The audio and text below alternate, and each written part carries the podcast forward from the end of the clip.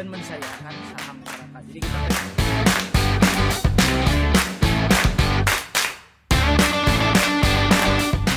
beda sama Jakarta kalau orang Bandung tuh uh, listing investasiin buat sekolah anak. Golf itu something new. Gitu kupu-kupu mungkin ke- Eh, ayahku tuh satpam gitu kan. Di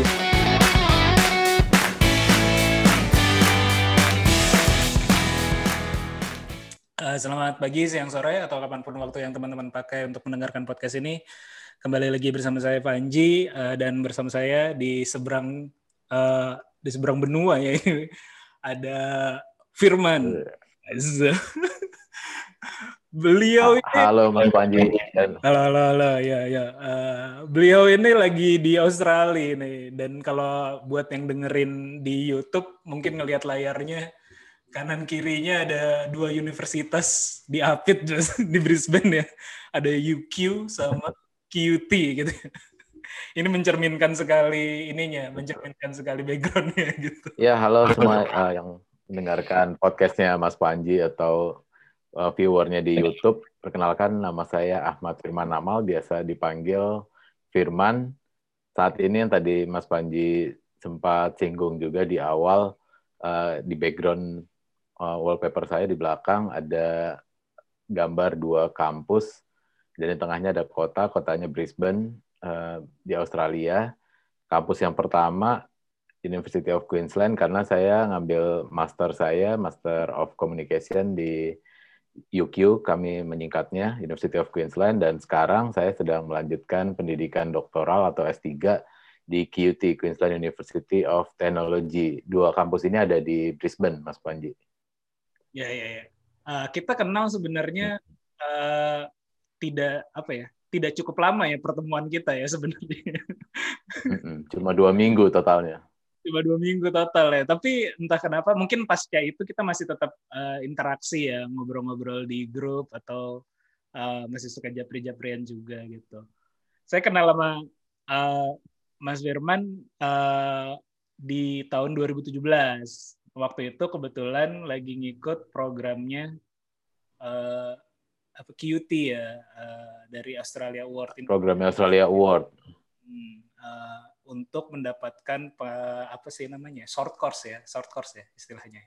Short course di eh, Queensland University of Technology. Dan kebetulan waktu itu Mas Firman adalah eh, apa waktu itu bro? Dirimu? Dirimu sebagai apa sih? Aku lupa. Kalau di hire, di hire sama QT-nya sebagai welfare officer mereka. Istilah jabat apa posisi yang diberikan ke saya itu welfare officer. Ya intinya mengurusi tetek bengek kalian selama di Brisbane gitu menjamin mulai dari menjemput di bandara sampai nanti anterin lagi di bandara gitu. Untuk balik lagi ke tanah air. Itu urusan saya mulai dari akomodasi transportasi eh, fasilitas di kampus segala macam itu urusan eh, saya gitu Nah, nah berangkat dari situ deh. Eh, tapi sebenarnya aktivitas utama kan eh, aktivitas utama dirimu kan kuliah ya di sana. Tapi betul masih bisa apa ya? Itu ibaratnya di hire juga oleh QT-nya kayak gitu. Di hire dan dibayar. Iya. Jadi kalau boleh flashback seben, eh, ke belakang sebentar gitu ya. Jadi eh, banyak juga sih yang tanya eh, gimana sih cara mendapatkan pekerjaan sebagai welfare officer untuk short course eh, Australia Award eh, Indonesia gitu ya. Jadi buat teman-teman tadi saya juga di awal eh, lupa mention bahwa saya berangkat ke Australia ini dengan beasiswa Australia Awards ya, eh, atau AAS. Nah, Australia Award itu sendiri ada dua macam. Ada yang long term seperti saya untuk ngambil master dan PhD. Ada yang bentuknya short term atau lebih dikenal short course. Nah, itu yang eh, Mas Panji dan teman-temannya waktu itu eh, dalam rangka startup ya kalau mas kalau nggak salah ya Mas Panji dulu ya. Nah, itu eh, biasanya durasinya lebih pendek, pendek banget malah dua minggu di Australia. Nah, biasanya nanti kampus-kampus yang menang tender itu yang akan me-organize uh, program tersebut gitu. Nah, kebetulan kemarin untuk digital startup uh, yang menang itu QT. Nah, jadi saya uh, karena dulu tuh sejarahnya saya itu pertama sebagai peserta dulu Mas Panji, peserta short course. Nah, uh, jadi waktu itu jadi kan kalau Australia Award itu kalau pulang dari master kita nggak bisa langsung ujuk-ujuk daftar untuk PhD. Jadi dia harus pulang dulu dan ada masa tunggunya. Nah, kalau zaman dulu saya selesai 2012 master itu, aturannya masih nunggu 2N plus 1. N itu masa studi. Jadi misalnya saya masternya ngambil eh, satu setengah tahun, berarti dikali dua uh, plus satu gitu. Jadi saya harus menunggu empat tahun dulu baru boleh daftar lagi. Tapi kalau sekarang peraturan Australia Award dia itu aturannya hanya uh, hanya menunggu dua tahun bisa langsung apply PhD gitu.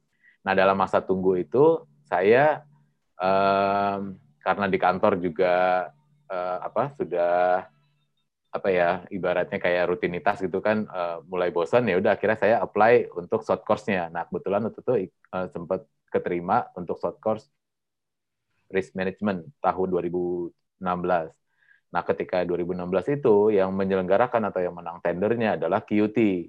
Makanya saya waktu itu berangkat ke Brisbane lagi sebagai peserta short course yang menyelenggarakan QT gitu dan dari situlah saya bisa mendapatkan uh, calon supervisor untuk PhD gitu dari program itu juga gitu. Jadi karena waktu di kampus QT itu saya kenalan sama beberapa uh, calon supervisor gitu ya udah akhirnya bisa bisa dapat supervisor dan uh, tinggal apply beasiswanya Australia Award dan alhamdulillah keterima juga. Nah, ketika nyampe ke Brisbane lagi saya ibaratnya kayak apa ya uh, lapor lah atau kayak mengucapkan terima kasih ke Nelson. Nelson itu yang koordinator short course kita gitu kan. Mas Panji mungkin ingat ya Nelson ya.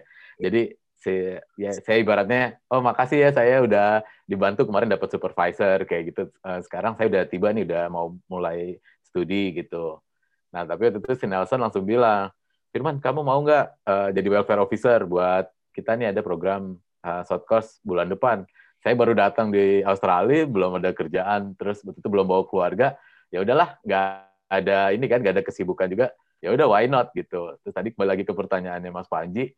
Uh, waktunya itu gimana memanage-nya? Nah kalau PhD enaknya itu pertama kita divisanya uh, kerja itu unlimited uh, hours-nya. Jadi waktunya tuh tidak terbatas untuk bekerja. So soalnya kalau teman-teman master dia itu di visanya itu ada jam uh, maksimal kerjanya. Jadi misalnya kalau teman-teman master itu seminggu hanya boleh 20 jam kerja gitu kalau secara legal ya. Kalau yang uh, apa menggunakan tax file number atau menggunakan kalau di Indonesia semacam NPWP dia hanya boleh 20 jam per minggu gitu. Tapi kalau buat teman-teman PhD dia uh, unlimited jamnya, jam kerjanya. Nah, dengan jam kerja yang tidak terbatas itu dan pola belajar di tingkat PhD itu di Australia khususnya lebih fleksibel dan kita uh, tidak ada kelas kayak master gitu kan kalau yang master kan dia satu semester itu harus ngambil empat mata kuliah gitu dengan jam apa kuliah misalnya setiap minggu pasti adalah di hari Senin, Selasa atau Rabu atau Kamis, Jumat itu pasti dia ada ada jam kuliahnya. Nah kalau PhD itu dia hanya mengatur sendiri uh, kita mau ketemuan sama supervisor itu uh, nanti tuh tergantung nego juga sih dengan supervisornya. Ada yang biasanya dua minggu sekali, ada yang tiga minggu sekali, ada yang sebulan sekali kayak gitu. Tergantung hasil negosiasi kita dengan dosen gitu. Uh, dan emang sih kalau di semester awal itu biasanya ada mata kuliah yang wajib uh, untuk diambil. Misalnya kayak mungkin teman-teman yang menggunakan kuantitatif dia harus ngambil uh, kelas uh, apa statistik kayak gitu atau misalnya kayak saya juga kemarin harus ngambil mata kuliah kayak metodologi riset kayak gitu. Nah jadi waktunya kan karena lebih fleksibel sendiri ngatur sendiri. Jadi dua minggu itu saya apa ya saya atur biar saya nggak ketemuan sama supervisor waktu itu. Jadi bisalah uh, mengatur seperti itu. Berarti pas kita 2017 itu lo baru masuk sebenarnya, baru keterima di QT uh, kebetulan ada program uh, startup angkatan gue sama teman-teman waktu itu gitu ya. Waktu itu bulan apa ya? Gue lupa. Bulan. Maret ya? Awal, kayaknya awal-awal tahun ya. Awal tahun betul. Iya. Iya, berarti itu yang pertama ya. Soalnya gue setiap tahun itu biasanya dua kali nge-handle short course yang berbeda. Kayaknya itu yang pertama ya. Yang pertama. Berarti uh, pertama kali itu langsung handle kita kita itu uh, dengan jabatan welfare officer itu baru pertama kali itu. Iya, tapi kan gue sebelumnya udah pernah jadi peserta, jadi gue udah lihat oh kalau welfare officer tugasnya kayak gitu toh gitu. Dan enak itu kerjaan yang enak. dan dan waktu itu sebenarnya uh, kalau menurut kita para peserta sih ya, lo memberikan lebih sih. Iya ya, lebih lebih dari apa ya? Sebenarnya emang di job desk-nya sendiri, kalau misalnya kita strict sama kontrak yang gue tanda tanganin, sebenarnya jam kerja gue itu sampai jam 5 udah beres, bos. tapi lo malah ya, tapi kan gue sama sama sama apa base kalian gue sampai jam 12 malam. Sedangkan jam jam 7 jam 8 gue udah harus balik lagi kan. Iya, iya, iya, iya. Iya, makanya anak-anak happy. Kan kita kalau nggak salah di akhir ada kuesioner atau apa semacam itulah ya. Dan kan kita ngasih alat. Evaluasi ya buat evaluasi. buat evaluasi itu hal yang bagus. Nah gue gue inget gini bro. Waktu itu lo uh, gue nggak tahu lo pas UQ-nya itu juga Australia Award juga uh, beasiswa. Ya, Australia Award nah, nah, nah gue inget waktu itu kalau nggak salah lo pernah sharing uh, gue nggak tahu ini boleh lo boleh ceritain apa enggak ya uh, uh, ketika lo sebelum ambil beasiswa lo sempat mengcompare tuh beragam beasiswa gitu ya. Beasiswa hmm. luar negeri gitu ya untuk S2 atau S3 Nah waktu itu kalau gue nggak salah ingat lo sempet bilang uh, yang menurut lo paling uh, menguntungkan dari sisi uh, mungkin dari sisi finansial ya kalau nggak salah ya uh, adalah beasiswa dari Australia Award kayak gitu. Uh, bener bener nggak ya kayak gitu ya? Um, jadi kalau misalnya tadi di awal saya lupa perkenalan kalau misalnya uh, kalau saya itu sekarang posisinya sebagai PNS kan di Kementerian Sekretariat Negara. Jadi jatuhnya sekarang tugas belajar. Nah, kalau di Setnek itu uh, salah satu tugasnya adalah kita me, apa ya? mengevaluasi uh, eh, G2G gitu, government to government uh, agreement. Nah, salah satunya bentuknya kan beasiswa ya. Nah, saya waktu itu pernah ikut salah satu rapatnya ada salah satu ya mungkin nggak bisa disebut ya uh, donor lah dari dari negara dari Eropa gitu misalnya.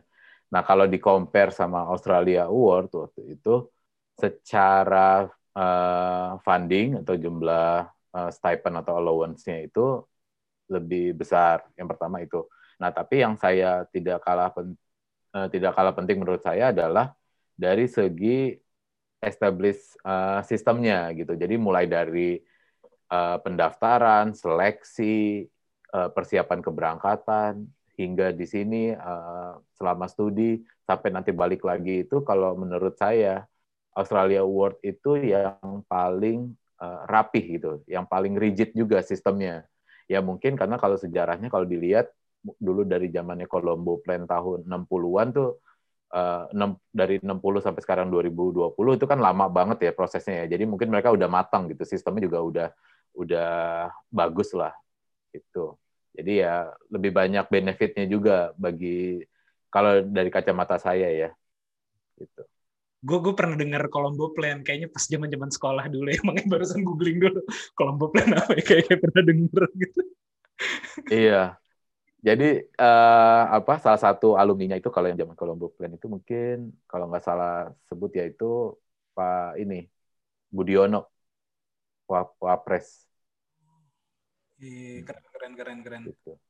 Nah, kalau ngomongin uh, beasiswa uh, sebenarnya uh, gimana sih kalau cara dapetin beasiswa Australia Award ya, yang long term gitu. Kalau yang short term kan gue pernah ikut ya, uh, dan sebenarnya nggak terlalu hmm. apa ya nggak terlalu rumit-rumit juga ya ngisi form kayak gitu-gitu. Terus juga karena kalau gue nggak salah ingat uh, Australia Award Indonesia bikin course-nya cukup banyak tuh dan tinggal kita cari yang ketertarikan kita kan. Kalau kalau gue waktu itu karena bergeraknya di bisnis dan startup, uh, spesifiknya di teknologi, waktu itu apply eh ada program yang uh, teknologi based startup kayak gitu. Jadi gue apply. Jadi memang udah ada pilihan-pilihan program program yang mau kita ikuti nanti tinggal kita apply dan ngisinya ngisi form on, online aja. Nah kalau untuk yang long term itu Uh, gimana tuh prosesnya? Iya, jadi kalau yang Mas Panji pernah rasakan di short course uh, program itu sama uh, kita juga ngisinya formnya online, semua serba online di awal-awal. Nah, tapi mungkin yang membedakan adalah persyaratan ya. Karena persyaratannya lebih lebih banyak yang dokumen yang harus disetorkan tuh lebih banyak gitu. Mungkin kalau ketika short course mungkin dokumennya kayak misalnya uh, ijazah atau transkrip IPK gitu mungkin nggak diminta ya waktu itu ya. Panji. Hmm, ijazah kayaknya diminta tapi ijazah. Paling pal Oh ijazah ya. Paling IELTS sama atau TOEFL ya waktu itu ya. Iya iya betul betul. Di short course ya itu juga diminta, tapi mungkin tambahannya lebih banyak lagi kayak misalnya akte lahir atau paspor kayak gitu itu udah diminta dari awal. Uh, IELTS juga nilainya itu harus udah udah tinggi. Saya nggak tahu sih kalau tahun ini berapa ya. Uh, ada batas ada batas minimumnya yang harus dipenuhi gitu. Nah, kembali lagi tadi kalau persyaratan yang lebih kompleksnya lagi, kalau untuk master sih mungkin persyaratan-persyaratan administrasi uh, selama itu terpenuhi dan dia mengisi di form online-nya tadi uh, namanya Oasis ya, ada kepanjangan itu Oasis apa.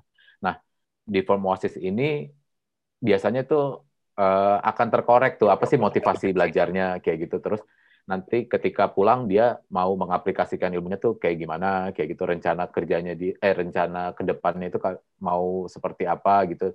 Itu di form itu akan akan terkorek semua gitu. Nah untuk yang PSD sel, eh, selain ngisi form yang sama dengan teman-teman master ada step yang lebih uh, kompleks lagi yaitu dia harus sudah punya riset proposal hmm. gitu Kenapa harus punya riset proposal? Karena nanti di form itu juga harus di attach dan uh, isiannya itu maksudnya gini, uh, ada ada pertanyaan di form itu yang jawaban itu ada di riset proposal misalnya. Nanti mau kira-kira mau ngambil datanya itu di mana di Australia atau di Indonesia kayak gitu. Itu kan mau nggak mau kan sudah terjawab sebenarnya di riset proposal gitu. Dan ada juga sebenarnya ini nggak wajib, tapi menurut saya ini memperbesar peluang, yaitu apa? Mendapatkan supervisor jadi ketika kita mengisi, sudah mau niat mendaftar untuk Australia Award, untuk mengisi itu, uh, ngisi formnya tadi, sebisa mungkin kita sudah punya supervisor gitu. Nah caranya dapat super, calon supervisor adalah kita harus punya riset proposal dulu kan, gitu. Karena untuk untuk dapetin, untuk meyakinkan mereka mau nggak sih menjadi supervisor kita, mereka pasti akan nanya emang kamu mau meneliti tentang apa? Apa metodologinya? Apa uh, berapa tahun? Fundingnya dari mana? Kayak gitu segala macam. Itu kan adanya di riset proposal gitu. Jadi ini kayak telur sama ayam sih dulu duluan mana gitu kan. Nah uh, ini dengan adanya supervisor ini memperbesar peluang kita untuk mendapatkan uh, beasiswa gitu. Kayaknya bukan cuma di Australia Award sih. Kayaknya mungkin di beasiswa lain seperti LPDP pun kalau kita punya supervisor itu pasti akan lebih besar juga peluangnya. Karena apa? Karena si yang menyeleksi berkas kita pasti akan memberikan nilai lebih bahwa oh nih anak sudah satu langkah dibanding teman-teman yang lain yang cuma baru melengkapi administrasi administrasi aja gitu kan. Karena dia bahkan sudah ada supervisor dan kampus yang mau nerima dia gitu. Tinggal dia butuh fundingnya doang gitu. Itu pasti akan akan menjadi pertimbangan yang uh, cukup mempengaruhi penilaian juga sih menurut saya gitu. Iya, jadi persyaratannya tadi tuh mas uh, dokumen dan ada beberapa yang lebih kompleks juga sih. Berarti uh, kampusnya sendiri atau uh, beberapa teman-teman kan juga, uh, gue, gue belum gue belum pernah sih ya uh, apply untuk beasiswa kayak gitu-gitu gitu. Uh, cuman uh, teman-teman hmm. pernah cerita ada yang mensyaratkan harus udah diterima di kampus-kampus tertentu kayak gitu. Misalnya baru di, udah diterima di kampus baru nyari beasiswanya. Ada juga yang uh, di, belum diterima di kampus uh, nggak apa-apa, yang penting uh, udah apply beasiswanya. Nah kalau kalau spesifik kasus uh, yang pernah lo lakukan, lo udah diterima dulu di UQ dan di QT baru uh, apply beasiswanya atau sebaliknya? Jadi uh, gini, konsepnya Australia Award itu atau AS ya Australia Award Scholarship itu berbeda dengan uh, anggap misalnya kita ambil contoh LPDP gitu ya. Kalau misalnya Australia Award ini kita dapetin beasiswanya dulu. Kita dapetin uh, Australia Award-nya dulu gitu. Nah, nanti kalau kita udah uh, diseleksi dan kita menjadi salah satu awardee-nya, nah mereka yang akan membantu menguruskan pendaftaran kita ke kampus gitu. Jadi ibaratnya kita terima beres nih setelah kita dapat beasiswanya. uh, ini sih berbeda kalau saya dengar dari pengalaman teman-teman di sini. Kalau teman-teman yang menggunakan LPDP, biasanya mereka uh, dituntut untuk punya LOE-nya dulu, letter letter of acceptance dulu dari kampus gitu, kayak surat sudah diterima nih uh, secara administrasi oleh kampus, tinggal kapan mulainya gitu, karena kan dia butuh funding juga karena. Tapi dengan surat LOE tadi itu menjadi kunci uh, salah satu kunci keberhasilan untuk bisa mendapatkan beasiswa LPDP gitu, memperbesar peluang.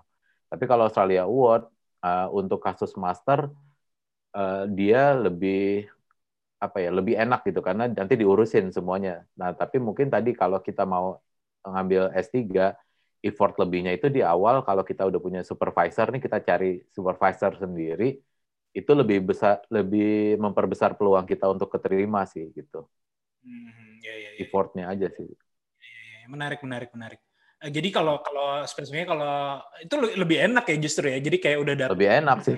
Bantuin lagi ya, dibantuin lagi mau masuk mananya gitu ya. Itu itu enak banget. Iya.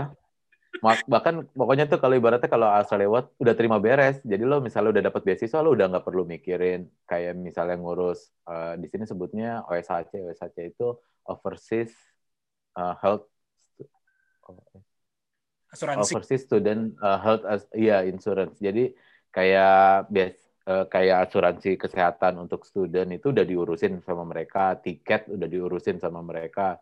Visa sudah diurusin dan bahkan tuh sebelum berangkat uh, ke Australia aja mereka tuh sampai memberikan namanya PDT pre departure training gitu hmm. itu dikasih tahu tuh uh, bukan cuma memperbaiki bahasa Inggris uh, dalam tingkat uh, untuk untuk keperluan akademik, tapi mereka juga menyiapkan kita agar tidak cultural shock di ketika mendarat. Jadi dikasih tahu nih bahwa kehidupan sosial uh, budaya di Australia itu kayak gini, gitu mannersnya kayak gini, cara barbecue di taman tuh kayak gini, etikanya kayak gini. Jadi kita tuh nanti nggak nggak kaget gitu ketika mendarat gitu, cara mendapatkan akomodasi, uh, terus public transport segala macam itu udah diajarin sebelum kita menyentuh uh, tanah Australia gitu. Nah ini kan ini yang ini yang sebenarnya menjadi nilai plus juga dibandingkan beasiswa yang lain karena kalau saya dengar ya beasiswa yang lain nggak ada yang kelas persiapan seperti ini gitu. Bahkan uh, pre-departure training dari Australia World ini pun diklasifikasikan lagi tergantung hasil IELTS ketika kita seleksi gitu. Jadi semakin tinggi IELTS-nya nilainya, kita semakin cepat berangkat. Maksudnya semakin pendek durasi pre-departure training-nya gitu. Yang paling cepat itu um, 7 minggu dulu. Tujuh minggu itu yang paling cepat untuk pre-departure training-nya. Hmm. Gitu. Jadi dalam, dalam dua bulan tuh dia udah siap berangkat gitu. Dan yang paling lama enam bulan kalau nggak salah pre-departure training-nya. Dan itu kita udah off dari kantor. Dan enaknya selama pre-departure training itu kita juga di udah nerima allowance atau stipend dari mereka. Jadi bagi teman-teman swasta yang udah resign atau udah cuti, kayaknya sih kalau swasta mungkin nggak bisa cuti panjang ya. Hmm. Atau kayak misalnya teman-teman PNS yang udah cuti itu tetap dapat dua gitu gajinya dari kantor sama dari Australia Award kayak gitu. Itu udah mulai dibayar. Ini ya apa namanya uh, Eh, apa ya lebih, hebat banget ya. Lebih royal. nah ini masuk ke pertanyaan gue berikutnya sebenarnya. Uh, berhubung lo juga di tadi ya membanding-bandingkan dan juga membanding-bandingkan beberapa beasiswa karena kebetulan bekerja di uh, uh, Setnek ya. Uh, Sebenarnya yeah. motifnya apa ya? Uh, kalau kita ngomongin uh, hubungan antara dua negara gitu ya gue juga termasuk walaupun gue penerima beasiswa short term itu ya, gue juga ngerasa short termnya nih sangat-sangat apa ya, sangat-sangat. Gue pernah ngikut short term yang lain juga gitu. Gue pernah ngikut short term di Jerman kayak gitu. Uh, perbandingannya dua itu sih. Cuman uh, dari sisi uh, dari sisi apa ya, dari sisi penyelenggaraan itu sangat lebih apa ya lebih dimanja lah ibaratnya sebagai peserta ya kalau sebagai peserta yeah. tuh manja gitu loh dikasih uang saku iya terus selain dikasih uang saku tempat-tempat yang kita inepin pun tempat-tempat yang apa ya namanya ya yang lumayan mahal lah kayak gitu-gitu. Terus juga programnya eh, nggak hanya nggak hanya di satu tempat, tapi oke okay, kayak sengaja ingin memperlihatkan beberapa kota di Australia lainnya kayak gitu. Gue juga ngerekomendasiin program ini kan ke beberapa teman-teman gue. Ada yang ikut di pertanian, ada yang ikut di apa ya hmm. di pertanian tuh satu bulan, ada yang ikut di fishery, macam-macam lah. Jadi uh, dan mereka merasakan hal yang sama gitu. Cerita oh iya ini enak banget sih programnya dibanding course yang yang pernah pernah yang ini lain. Pun uh, dan apa ya setelahnya ya after course-nya itu juga perlakuannya terhadap alumninya itu baik banget gitu loh. Uh, gua uh, tahun ini ngikut apa sih namanya tuh Grand ya, dia ada alumni Grand gitu. Alumni Grand Scheme ya, AGS. Dan dapat gitu. Padahal hitungannya hanya uh, alumni alumni dalam tanda kutip yang yang dua minggu gitu. Cuma dua minggu. Jadi jadi itu bahkan di kampus gue sendiri yang gue kuliah empat tahun gitu. Tidak dihargai. Gak segitunya ya. jadi kayak oh iya uh, apa dapat newsletter lah kayak kayak mau diinfokan segala macam uh, hmm. yang newsletter aja lah gitu. Newsletter boro-boro dapat gitu dari dari alumni yang di Indonesia gitu. Uh, uh, yeah.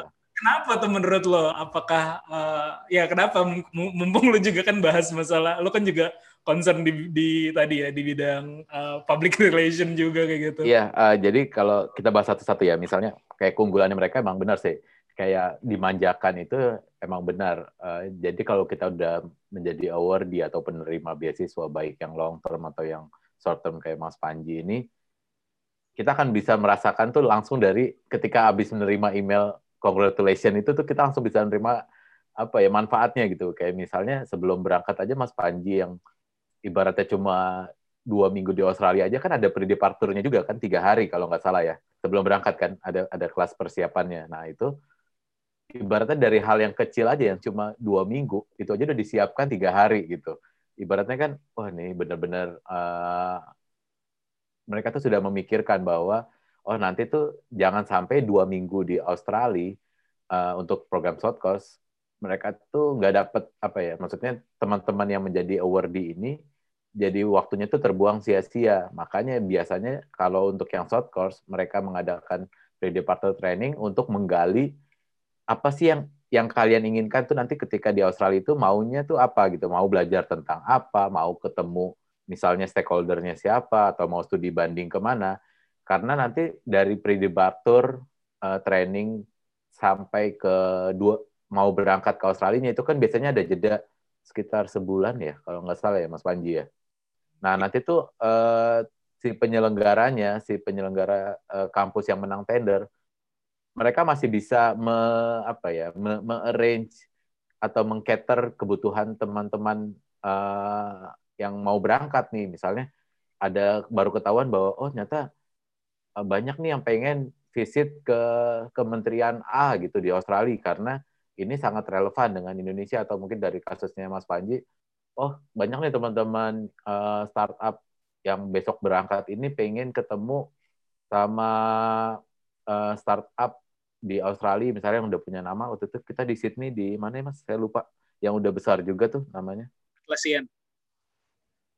Ya itu. Atau misalnya mau belajar kalau misalnya pemerintah uh, Pemkot di Australia ini bagaimana sih mereka memfasilitasi uh, inkubator atau uh, teman-teman startup itu kayak gimana? Nah itu nanti bisa di di adjust tuh. Dalam waktu singkat itu mereka bisa oh ya ini banyak kebutuhan ini nanti diusahakan bisa terpenuhi ketika mereka mendarat. Nah itu dari kasus yang tadi uh, menjelaskan yang dimanja tadi ya. Nah kalau misalnya ditanya benefitnya kenapa mereka sebegitu manja memanjakan kita? Kalau saya sih kalau saya belajar gitu ya belajar mengenai uh, Australia Award ini mereka sih lebih ke arah ingin membina hubungan bilateral gitu karena kan mau nggak mau Indonesia itu adalah negara besar gitu baik secara market uh, jumlah penduduk dan mungkin potensinya juga di masa depan dianggap uh, mempunyai peran yang vital bagi Australia itu sendiri gitu. Makanya mereka ibaratnya tuh kayak baik-baikin kita gitu kan. Karena nanti pasti suatu saat uh, ada kebutuhan lah dengan Indonesia gitu. Nah emang sih mau nggak mau uh, mereka bagaimana caranya mereka memaintain hubungan tadi? Kalau saya perhatiin sih database mereka itu yang sangat bagus mas. Jadi ketika kita udah jadi awardee nih, baik yang short course dua minggu atau saya yang paling lama misalnya PhD 4 tahun ini, kita tuh diperlakukan sama secara database itu bahwa kita tuh sebagai alumni Australia baik programnya short course atau baik programnya long term kayak saya itu kita diperlakukan sama. Nah dengan masuk ke database mereka, pengalaman saya itu nanti uh, kalau ada event apa misalnya di kedutaan Australia atau misalnya ada di hotel mana tapi uh, dengan pengajar dari Australia atau misalnya ada uh, seminar yang atau misalnya ada pidato atau ada kebutuhan dari kedutaan besar gitu nanti kita akan diundang tuh, dikasih invitation juga. Dan bahkan dulu sebelum COVID ya, setiap tahun itu mereka kayak ada reuni akbar nih, diundang nih semua, ada apa ada peserta short course, ada yang long term atau bahkan yang private aja tuh mereka juga masuk ke database mereka gitu. Yang biaya sendiri ya itu masuk ke dalam uh, database mereka. Jadi nanti diundang bareng-bareng tuh kayak gala dinner itu mereka nyebutnya gala dinner sih. Nah itu uh, biasanya sih di kedutaan mereka di Australia, eh, kedutaan Australia di Jakarta, sorry, atau uh, di hotel kalau nggak salah beberapa tahun yang lalu itu. Pas nah, gue di hotel waktu itu.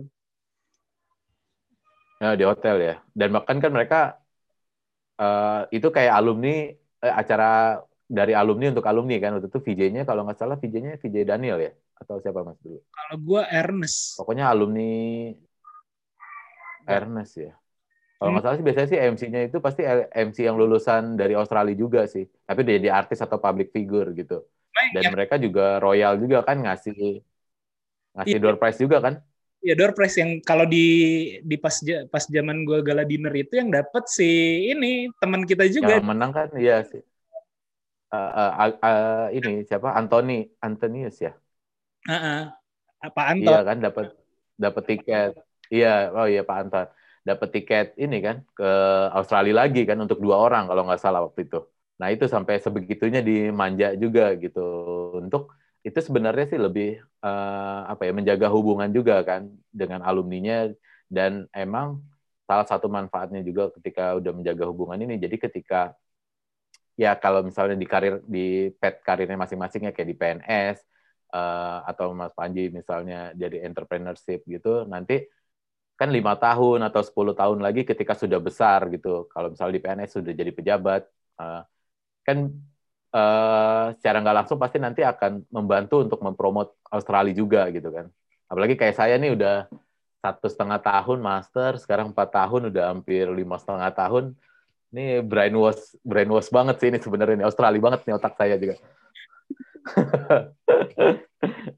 Jadi ya begitulah. Jadi pengambilan keputusan juga nanti kalau melibatkan Australia kayaknya harus ini juga dia harus bisa memisahkan antara emosi dan profesionalitas juga iya, karena iya. mau nggak mau nggak mau udah udah terpengaruhi juga kan Iya iya iya iya itu menarik menarik banget sih. Uh, gue gue jadi ingat pas pas zaman gue itu zaman gue gala dinner ya. Uh, zaman gue gala dinner oke okay sih hmm. mewah di hotel mewah uh, menarik kayak gitu. Terus mengundang bahkan yang short course juga diundang. Uh, periode angkatan berapa kayak gitu-gitu kan. Jadi ketemu banyak teman-teman juga. Iya. Terus hebohnya lagi untuk acara yang cuman di ballroom hotel aja, maksudnya untuk acara kita alumni itu eh, salah satu apa entertainment apa yang diundang adalah entertainer yang diundang tuh Raisa. oh iya Raisa, gila ya. Ya gitu loh maksudnya. Ini penghargaan terhadap alumninya ya mungkin mungkin uh, di balik uh, tujuan uh, besarnya tadi uh, ya tapi tetap aja kan nggak semua tentu uh, yang jadi alumni akan jadi orang kayak gitu kan ibaratnya. Belum tentu juga. Mungkin hanya 10 persen gitu ya. Nah tapi ini jadi gue jadi menarik ini bro. Uh, mungkin mungkin ini ada kaitannya sama kerjaan juga atau mungkin bidang studi yang yang akan lo ambil uh, yang sedang lo pelajari juga ya. Uh, uh, ini kan kita kita orang Indonesia didapat beasiswa alumni dari Australia atau beasiswa dari Australia, terus kita jadi bermindset seperti itu. Oh iya, gue dimanja gue diberikan fasilitas, gue diberikan apa ya uh, pendidikan juga yang paling utama kayak gitu kan ilmunya kayak gitu sehingga ada secara sadar atau nggak sadar dalam diri kita ada apa ya ada ingin memberikan balik gitu loh memberikan kontribusi balik lah uh, iya utang secara, utang budi gitu ya utang budi secara sadar ataupun nggak sadar walaupun bisa diberlakukan dua arah kan ketika misalnya lo udah jadi politisi gitu atau lo jadi apalah gitu ya misalnya atau kita jadi seseorang ketika kita mau membangun uh, hubungan ke Australia, kita bisa ngangkat itu juga kan. Oh, gue alumni Australia juga nih. Akhirnya akhirnya bisa ber, berlaku dua arah kayak gitu. Nah, pertanyaan gue gini, lo lo kan juga di Seknek Indonesia punya program nggak untuk untuk apa ya? Untuk uh, warga negara lain untuk, untuk orang Australia gitu. Oh, enggak enggak mesti orang Australia. Jadi misalnya orang uh, negara lain lah oh. ya. Untuk negara lain uh, ngasih beasiswa uh, untuk sekolah di Indonesia, untuk ada program-program kayak gitu nggak sih? Setahu. Ada, ada, ada. Uh, ya, setahu gue sih ada beberapa sumber dana atau pemberi beasiswa uh, dari pemerintah Indonesia ya. Salah satunya itu kalau nggak salah dari Kemendikbud. Kenapa gue tahu? Karena gue waktu sambil nunggu tadi itu dari master mau ke berangkat lagi ke PSD itu selain ikut short course ke Australia, gue sempet ikut short course ke India. Nah, uh, di India itu gue kenalan sama uh, apa bermacam teman juga dari negara-negara lain. Salah satunya itu dari Madagaskar, gitu. Nah, dia itu senang bergaul sama kita. Waktu itu kita orang Indonesia ada bertiga gitu. Nah, dia tuh senang jalan sama kita. Mungkin kayaknya secara apa ya?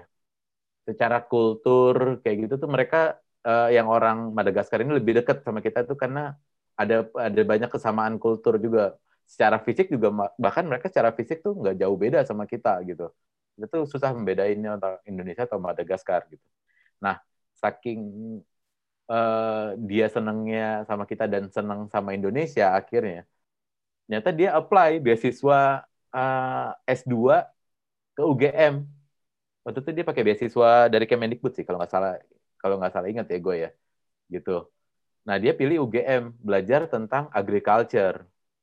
Hmm. Gitu. Nah, mungkin yang membedakan dengan pemerintah Australia mungkin dari segi ya kayak tadi lah yang lo sebutkan tadi uh, dari segi treatmentnya ya maksudnya ya mungkin persiapannya proses seleksinya atau apa mungkin mungkin nggak kurang lah kurang apa masih ada yang perlu diperbaiki kalau pemerintah Indonesia gitu tapi setidaknya udah ada willingness untuk diplomasi melalui beasiswa tuh udah ada gitu. Hmm. Dan kalau sama Australia sendiri ya, kalau tadi kan mungkin negaranya macam-macam. Kalau sama Australia sendiri ada kok be, ada beberapa ada beberapa kali eh, yang rutin juga gitu menawarkan beasiswa bukan bukan jangka panjang sih biasanya itu beasiswa. Kalau tadi kan itu untuk master ya.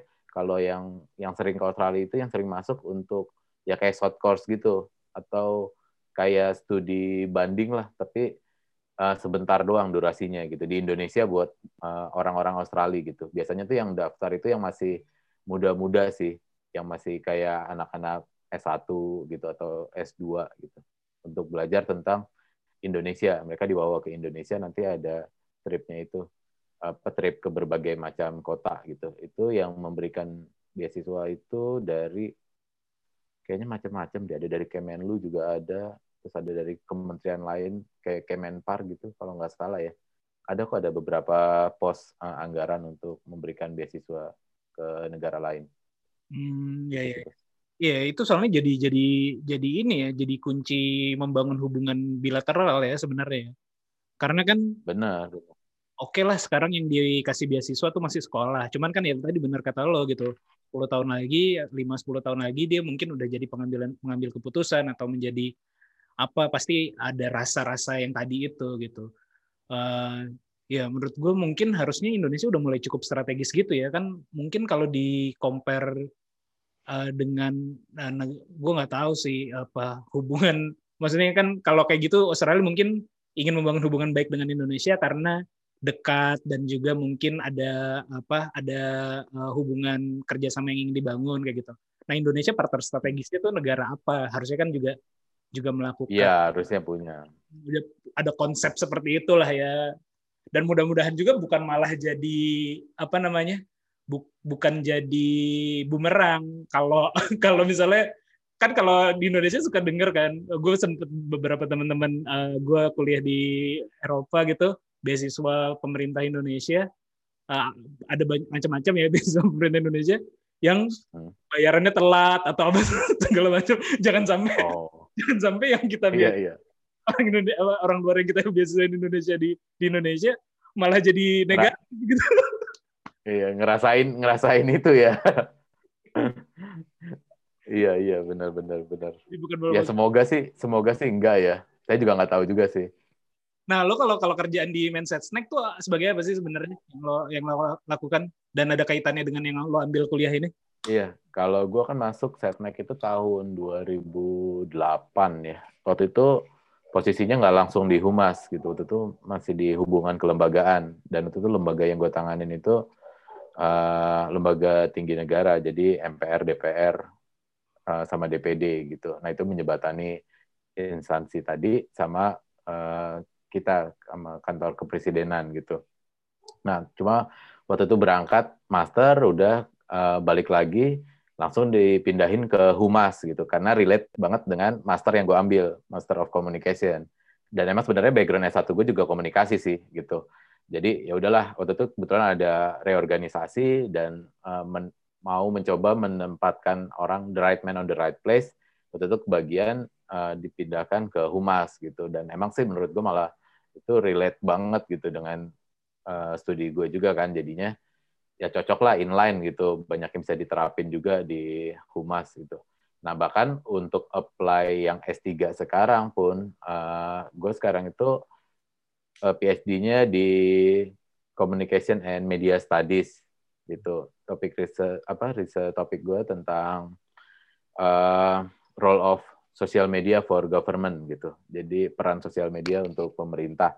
Nah itu kan masih relate banget lah sama humas gitu kan. Nah jadi uh, dengan background pendidikan dengan background pekerjaan balik lagi ke tadi beasiswa juga itu lebih gampang meyakinkan pemberi beasiswa juga gitu. Untuk ayo dong lo kasih beasiswa ke gue nih karena nanti ilmu yang mau gue pelajarin nanti itu akan relate dengan pekerjaan yang akan gue jalanin juga setelah lulus gitu kan. Karena kan kalau udah PNS kan ya ibaratnya kayak udah kontrak seumur hidup kan maksudnya ya kita akan balik lagi ke instansi yang kita sebelum berangkat sekolah gitu. Jadinya akan kepake banget ilmunya gitu. Dan itu lebih gampang meyakinkannya. Jadi sekarang gue ngambilnya itu uh, eh, PhD-nya di Communication and Media Studies gitu hmm. tentang sosial media sih riset penelitiannya Oh, pertanyaan dasarnya gini dulu deh. Gue gue buta ya. Uh, setnek tuh tugasnya apa sih sebenarnya? Fungsi lembaga setnek itu tugas. Jadi kalau uh, kalau in general sih, kalau in ya. general itu uh, memberikan dukungan layanan teknis dan administrasi kepada presiden gitu. Itu in generalnya ya. Jadi kayak gini lo kalau analogi sederhananya kalau lo punya perusahaan nih lo butuh sekretaris kan? Iya. Lo butuh sekretaris uh, untuk mengurusi ya administrasi atau mengurusi hal-hal teknis lainnya gitu untuk uh, seorang direktur gitu atau uh, eh, GM gitu kan di sebuah perusahaan. Nah ini sama gitu, cuma kita sekarang ngurusnya itu presiden gitu. Nah jadi siapa pun siapa pun presidennya kita akan urusi sama gitu karena kita punya SOP kan gitu. Nah uh, di Setnek itu tersendiri dia punya banyak lembaga gitu. Eh, bukan banyak lembaga, sorry. Punya banyak deputi yang mengurusi hal-hal yang berbeda beda gitu. Misalnya kayak sekarang nih yang kayak lagi heboh misalnya uh, omnibus law ya.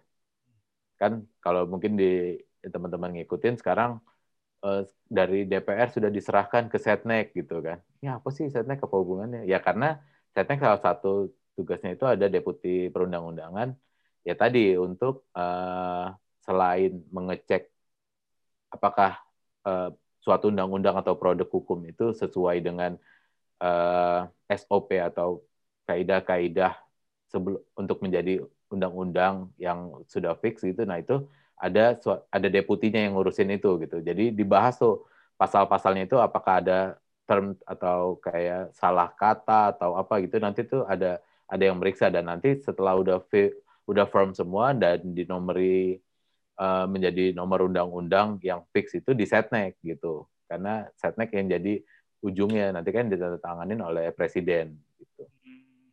Gitu. Nah, kalau gue di humas gue, gue humas itu berarti kan kita mendiseminasi informasi ya, memberikan informasi mengenai setnek itu sendiri dan karena setnek ngurusin presiden, jadi mau nggak mau kita juga memberitahu ke masyarakat bahwa program-program apa sih yang sekarang sedang dijalankan oleh presiden gitu. Berarti kalau di kayak di kalau di provinsi itu uh, kayak sekda lah ya, sekretaris daerah lah ya, uh, secara. Uh, iya iya. Mm -hmm. Nah, uh, gue nggak tahu lo, lo tahu, eh pasti lo kemungkinan besar sih lo tahu ya. Uh, gue tahu ini pas lagi gue kuliah dulu sebenarnya, karena gue di kampus berorganisasi juga gitu. Terus uh, ada kalau kita ngomongin uh, ya dan termasuk di perusahaan juga pasti ada sekretaris tadi ya, ya seperti yang lo bilang juga. Uh, sekretaris hmm. itu secara bahasa ya, gue gue lupa sih uh, dapat dapat materi ini pas dulu lagi kuliah ini dari mana gitu. Sekretaris itu secara bahasa kalau nggak salah diambil dari secret kan gue lupa bahasa Yunani atau bahasa apa gitu. Yang arti arti dasarnya adalah rahasia gitu. Uh, gue gue lupa. uh, rahasia. Bahasa Yunaninya apa? Secretum atau apalah. Gue gue gue gue gue agak agak lupa ya. Uh, nah apakah apakah fungsi setnek atau sekretaris negara ini juga penting banget kan? Berarti kan harus ada hal-hal yang tidak perlu. Kalau iya. dibuka harus ditutup. Yang tidak penting diketahui. Mungkin belum tentu belum tentu. Kan kadang-kadang kita ngomongin masalah keterbukaan publik kan agak was-was juga ya. Kadang-kadang kita kan ada ngomongin yang mana keterbukaan publik yang mana rahasia negara kan. Harus ada harus ada yang mesti ditimbang timbang kayak gitu kan ya. Bener nggak kayak gitu? Iya iya. Benar benar benar banget. Makanya uh, apa ya kalau kita itu di setnek itu kan ada pusdiklatnya, ada pusat uh, pendidikan dan pelatihan ya. Dan biasa tuh di tahun-tahun awal itu kita banyak banget nerima uh, pendidiklat uh, atau topiknya itu yang spesifik banget gitu. Misalnya uh, yang untuk awal-awal itu tata naskah gitu. Pokoknya istilah-istilah PNS banget gue juga pas lagi masuk. Kan gue berangkat dari swasta ya dulu ya. Jadi ketika masuk itu anjir itu bahasanya gila banget uh, tata naskah gitu diklat tata naskah gitu. Nah tapi dari diklat-diklat yang kayak gitu tuh kita bisa jadi tahu gitu. Kayak tadi misalnya tata naskah ya. Tata naskah itu kenapa sih harus dipelajarin? Karena kan kalau dari bawahan itu mulai dari staff gitu ya kita kan nanti kan akan mengurus kayak memorandum kayak gitu untuk uh, apa antar instansi segala macam itu nah kita itu harus tahu kayak kode penomoran itu yang paling simpel-simpelnya ya sampai mulai nanti yang paling teknisnya itu bagaimana kita menyarikan atau uh, eksekutif bikin eksekutif uh, summary kayak gitu. Nah itu tuh dipelajarin tuh semua di tata naskah. Nah tadi kalau misalnya kembali lagi ke yang rahasia tadi kerahasiaan itu ada ada diklatnya juga kerahasiaan dinas kalau nggak salah. Uh, itu nanti kita diajarin juga karena kan sekarang udah ada uh, ada hukumnya juga namanya keterbukaan informasi publik ya KIP kalau nggak salah. Nah itu ada beberapa emang sih kita kan sekarang dituntut pemerintah itu untuk terbuka kepada masyarakat gitu kan. Tapi di menurut undang-undang itu ada beberapa poin yang dikecualikan. Apa aja? Kalau singkat saya ya, uh, salah satunya itu hal-hal yang berhubungan dengan um, keamanan negara gitu. Ya, ya. Nah itu salah satunya kayak misalnya apa jumlah jumlah persenjataan kita, jumlah uh, misalnya jumlah jumlah al alutsista kita itu berapa tuh jumlah yang firm ya itu nggak bisa diekspos. Karena apa? Itu jadi threat kan jadi ancaman buat uh, negara kita. Kalau negara lain tahu oh ternyata Indonesia punya submarine jumlahnya segini letaknya di sini di sini di sini kan gampang kan kalau misalnya mau menyerang gitu. Tinggal hancurin aja tuh galangan kapal yang di sini sini sini gitu. Atau eh, hal-hal uh, lain hmm, yang rahasia juga. Misalnya apa ya yang membahayakan tadi kan itu membahayakan negara ya ada juga hmm, taruh. membahayakan keselamatan gue sih presiden. Pasti. Iya itu sih ya ya itu itu pasti. Uh, itu pasti juga sih. Tapi saya ingat gue sih itu sih yang yang gue yakin. Nggak nyaman gitu. Iya karena gue harus jaga-jaga juga sih. Karena kan yang nonton kan eh, bisa juga dari kantor. Iya, iya, iya, oke, oke. Nah, iya, iya, oke. Gue gue paham, gue paham. Makanya tadi kan gue bilang memang ada hal-hal, ada batasan. Gue nggak ngerti undang-undangnya, cuman secara apa ya, secara etik aja sih, secara etik pasti kan ada eh, ada hal-hal yang memang tidak bisa jadi konsumsi publik juga. Ada batasan antara mana keterbukaan publik, mana rahasia negara ya. Mungkin tadi yang yang lo contohkan itu. Kalau buat yang dengerin yang mau tahu undang-undangnya nanti bisa dicari lah ya undang-undang tersebut apa aja yang Ya, dirahasiakan. keterbukaan informasi publik gitu. Oke. Nah, undang-undangnya keterbukaan informasi publik. Iya. Ya jadi iya kembali lagi misalnya kayak tentang sosial media ya. Jadi tuh kalau orang-orang setnek itu ya, kita tuh harus harus pinter mengontrol eh, apalagi tentang apalagi sosial media kita gitu kan. Karena kan gatel misalnya ada tamu siapa datang ke istana lo misalnya ngajak foto bareng sih mungkin mereka welcome gitu kan atau misalnya lo foto welcome tapi kan kita nggak tahu intention mereka ke situ tuh apa gitu kan dalam rangka apa dan kalau lo post kan itu bisa ya mungkin nggak nggak membahayakan tapi kan bisa menjadi dina, ada dinamika politik yang bermain di situ kan bisa jadi ini juga kan bisa jadi apa ya ya bergejolak lah gitu. Apalagi misalnya lo punya follower banyak gitu.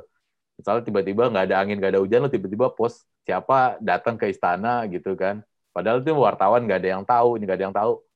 Terus tiba-tiba loh ini dalam rangka apa nih? Oh ini Ntar orang mulai tuh mengait-kaitkan kan oh ini kayaknya dalam rangka ini ada jabatan yang kosong yang ini ini ini. nah itu bisa bisa jadi rumit kayak gitu bos gitu makanya kalau di setnek ya harus pintar-pintar juga sih oh nih kira-kira kalau gue post ini kayaknya eh, efeknya kayak gini gitu Hmm. itu tuh harus sudah harus sudah mikir panjang sih makanya nggak nggak bisa nggak bisa gatal juga tangannya apalagi kalau dokumen-dokumen oh ya kembali lagi tadi ya eh, rahasia itu salah satunya tuh ada dokumen-dokumen juga kalau di di kita itu yang ada klasifikasinya. Jadi kalau misalnya udah ada yang bacaannya sifatnya rahasia itu udah kita nggak ya for your eyes only aja nggak bisa dipoto nggak bisa lo copy lo ini tapi lo bisa baca mungkin baca dari meja lo bisa gitu tapi ya udah lo nggak bisa ngapa-ngapain gitu. Nah itu kan kadang suka Gatel. eh, gatel benar gatel.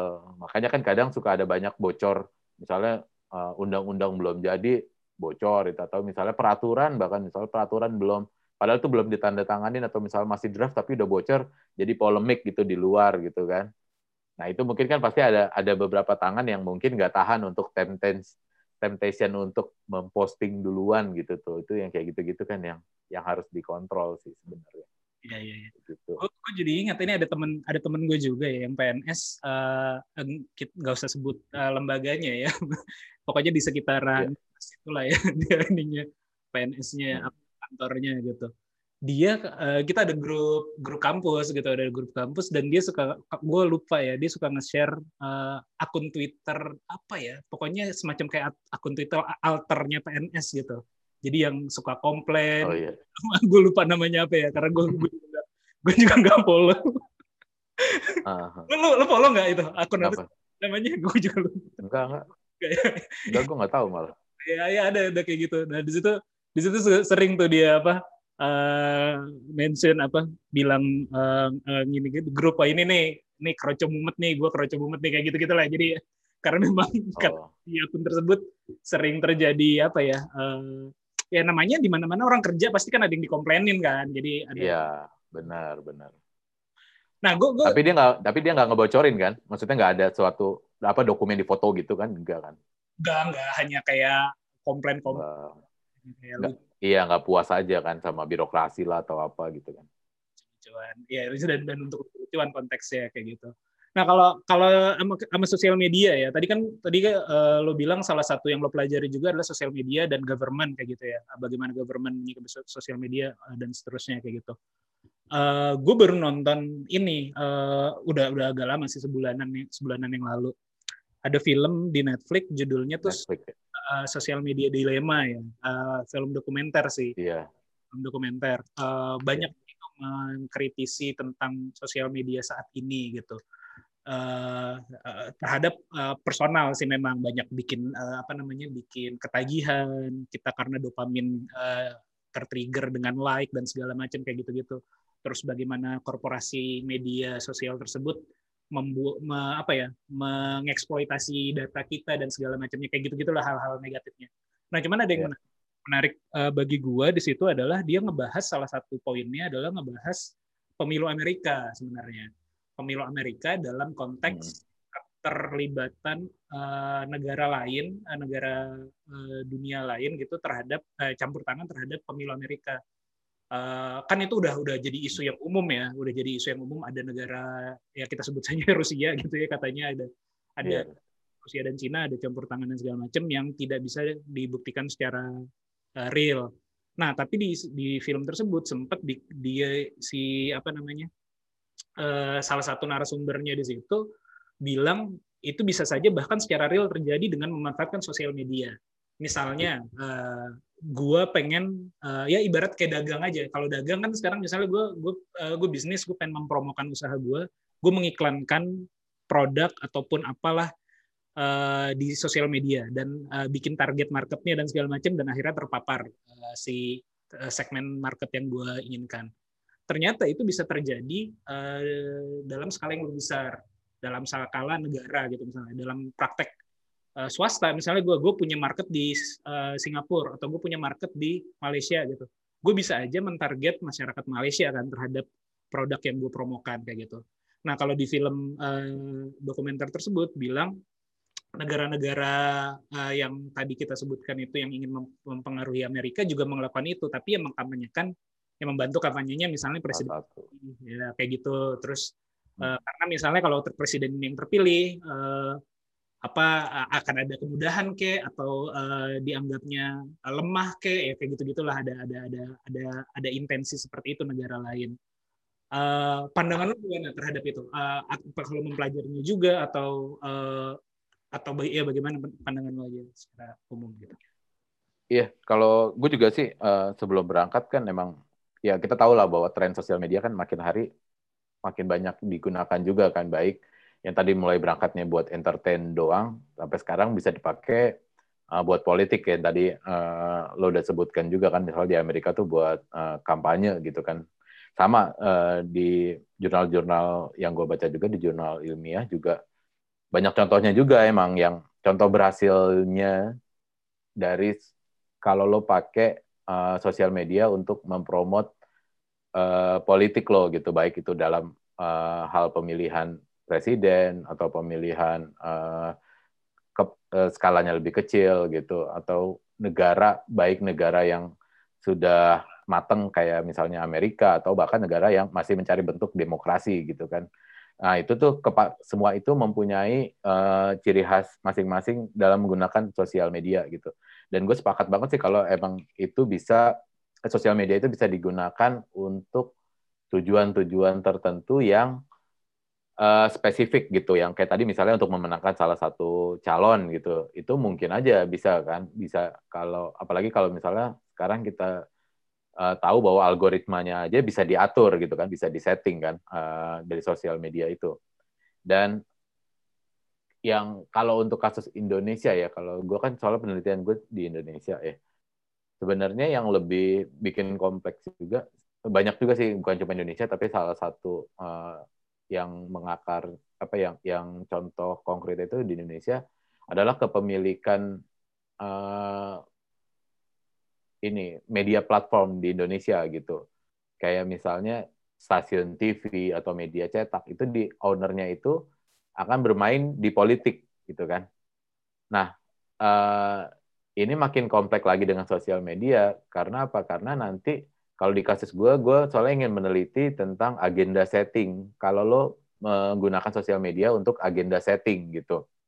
Nah, kalau di agenda setting ini kan uh, mungkin Mas Panji pernah dengar juga ya agenda setting itu teorinya kan berangkat dari uh, penelitian uh, tentang pemilihan presiden juga di Amerika juga. Uh, nah, dulu itu karena sejarahnya ya, waktu di pemilihan presiden di tahun itu masih uh, menggunakan media cetak eh sorry uh, mass media media massa gitu salah satunya koran dan televisi gitu kan dan dulu juga masih uh, masih dominan juga radio gitu nah sekarang walaupun kayak misalnya koran atau TV atau radio masih ada, tapi kan mungkin dominasinya nggak seperti dulu gitu. Sekarang ada sosial media, semua orang bisa ber, bebas berekspresi, bisa menyuarakan uh, suara politiknya. Nah, tapi yang bikin kompleks dengan adanya kepemilikan uh, media oleh owner yang bermain di politik, nah ini nambah dinamika juga nih, nambah dinamika kalau misalnya menjelang pilpres lah, nggak aja sebagai uh, sebagai contoh ya uh, pilpres. Ini tuh kalau misalnya kita setting, eh, sorry, agendanya bisa di set, misalnya ketika uh, kan kemarin berarti ada dua ada dua capres kan ada Presiden Jokowi sama Prabowo gitu ya. Nah misalnya sebagai contoh ketika Jokowi nge-tweet gitu atau nge-post di Facebook. Nah, gue melihat apakah tweetannya ini atau postnya ini diangkat menjadi berita oleh eh, media-media di Indonesia gitu, baik cetak atau misalnya televisi gitu. Jadi suatu berita. Nah, karena berita ini bisa mengarahkan publik untuk memilih salah satu uh, memilih kandidat tertentu gitu kan. Uh, dan cara dia nge-framingnya pun itu juga akan mempengaruhi publik juga kan. Nah, gue melihat uh, agenda setting itu tadi digunakan sejauh mana bisa di set uh, dan gimana cara prakteknya mindah dari sosial media bisa masuk ke media gitu mainstream media disebutnya dan bisa nanti mempengaruhi hasil uh, voting di pilpres di Indonesia gitu tahun 2019 gitu. Hmm. Iya, itu menarik banget ya. Berarti kasus apa ya? Bahan tesis lo kemarin tuh, tuh sang eh bahan disertasi ya kalau S3 ya? Iya. Hmm. Nah, itu berarti kasus yang nyata. Sama sih kalau di di di Australia tesis juga ya. Di Australia disebutnya tesis juga sih, sama-sama tesis uh, eh, S2 sama S3 sama-sama tesis. Iya, itu menarik karena kasusnya kan real banget kan 2019 kemarin lagi kan lagi apalagi kalau sosial media tahun lalu kan ya semenjak ada corona aja kita lupa gitu. Cuman kan tahun lalu tuh friksinya sangat-sangat ini ya, sangat-sangat intens banget ya uh, di tahun pemilu itu. ya itu itu jadi real real case yang menarik. Iya iya benar. Iya, gue jadi ingat kembali lagi yang kayak tadi uh, salah satu apa ya kayak agenda Australia gitu misalnya uh, memberikan beasiswa. Ya salah satu contohnya kayak gini, kayak misalnya kita yang PSD itu kayaknya sih diusah diarahkan sebisa mungkin ngambil datanya di Indonesia gitu. Kayak gue gitu kan, gue ngambil contoh datanya kan di Indonesia kan. Nah itu kan mereka juga ingin belajar juga berarti tentang Indonesia gitu kan. Belajar ya belajar dalam dalam arti yang bisa bisa literally uh, apa belajar atau belajar dalam tanda kutip gitu ya uh, tentang data di Indonesia. Nah uh, waktu itu gue juga berangkat sebenarnya nggak nggak nggak spesifik mau tentang pilpres 2019 gitu sebenarnya ketika bikin riset proposal gue tadinya ingin melihat uh, penggunaan sosial media in general aja gitu maksudnya kalau di kementerian itu gimana sih karena kalau waktu gue berangkat itu gue melihat bahwa sosial media ketika dipakai oleh humas kementerian waktu itu dipakai ngetritnya itu sama kayak lo make sosial media sebagai personal gitu kan. Nah mungkin waktu itu contoh kasusnya yang yang udah bagus sih kayak TNI AU gitu kan di twitternya itu itu yang udah udah lumayan bag, udah bagus banget bahkan untuk tingkatan kementerian gitu. Kalau sekarang udah nambah lagi kayak misalnya dari Kemenq itu juga bagus banget ya, cara mereka menghandle sosial media.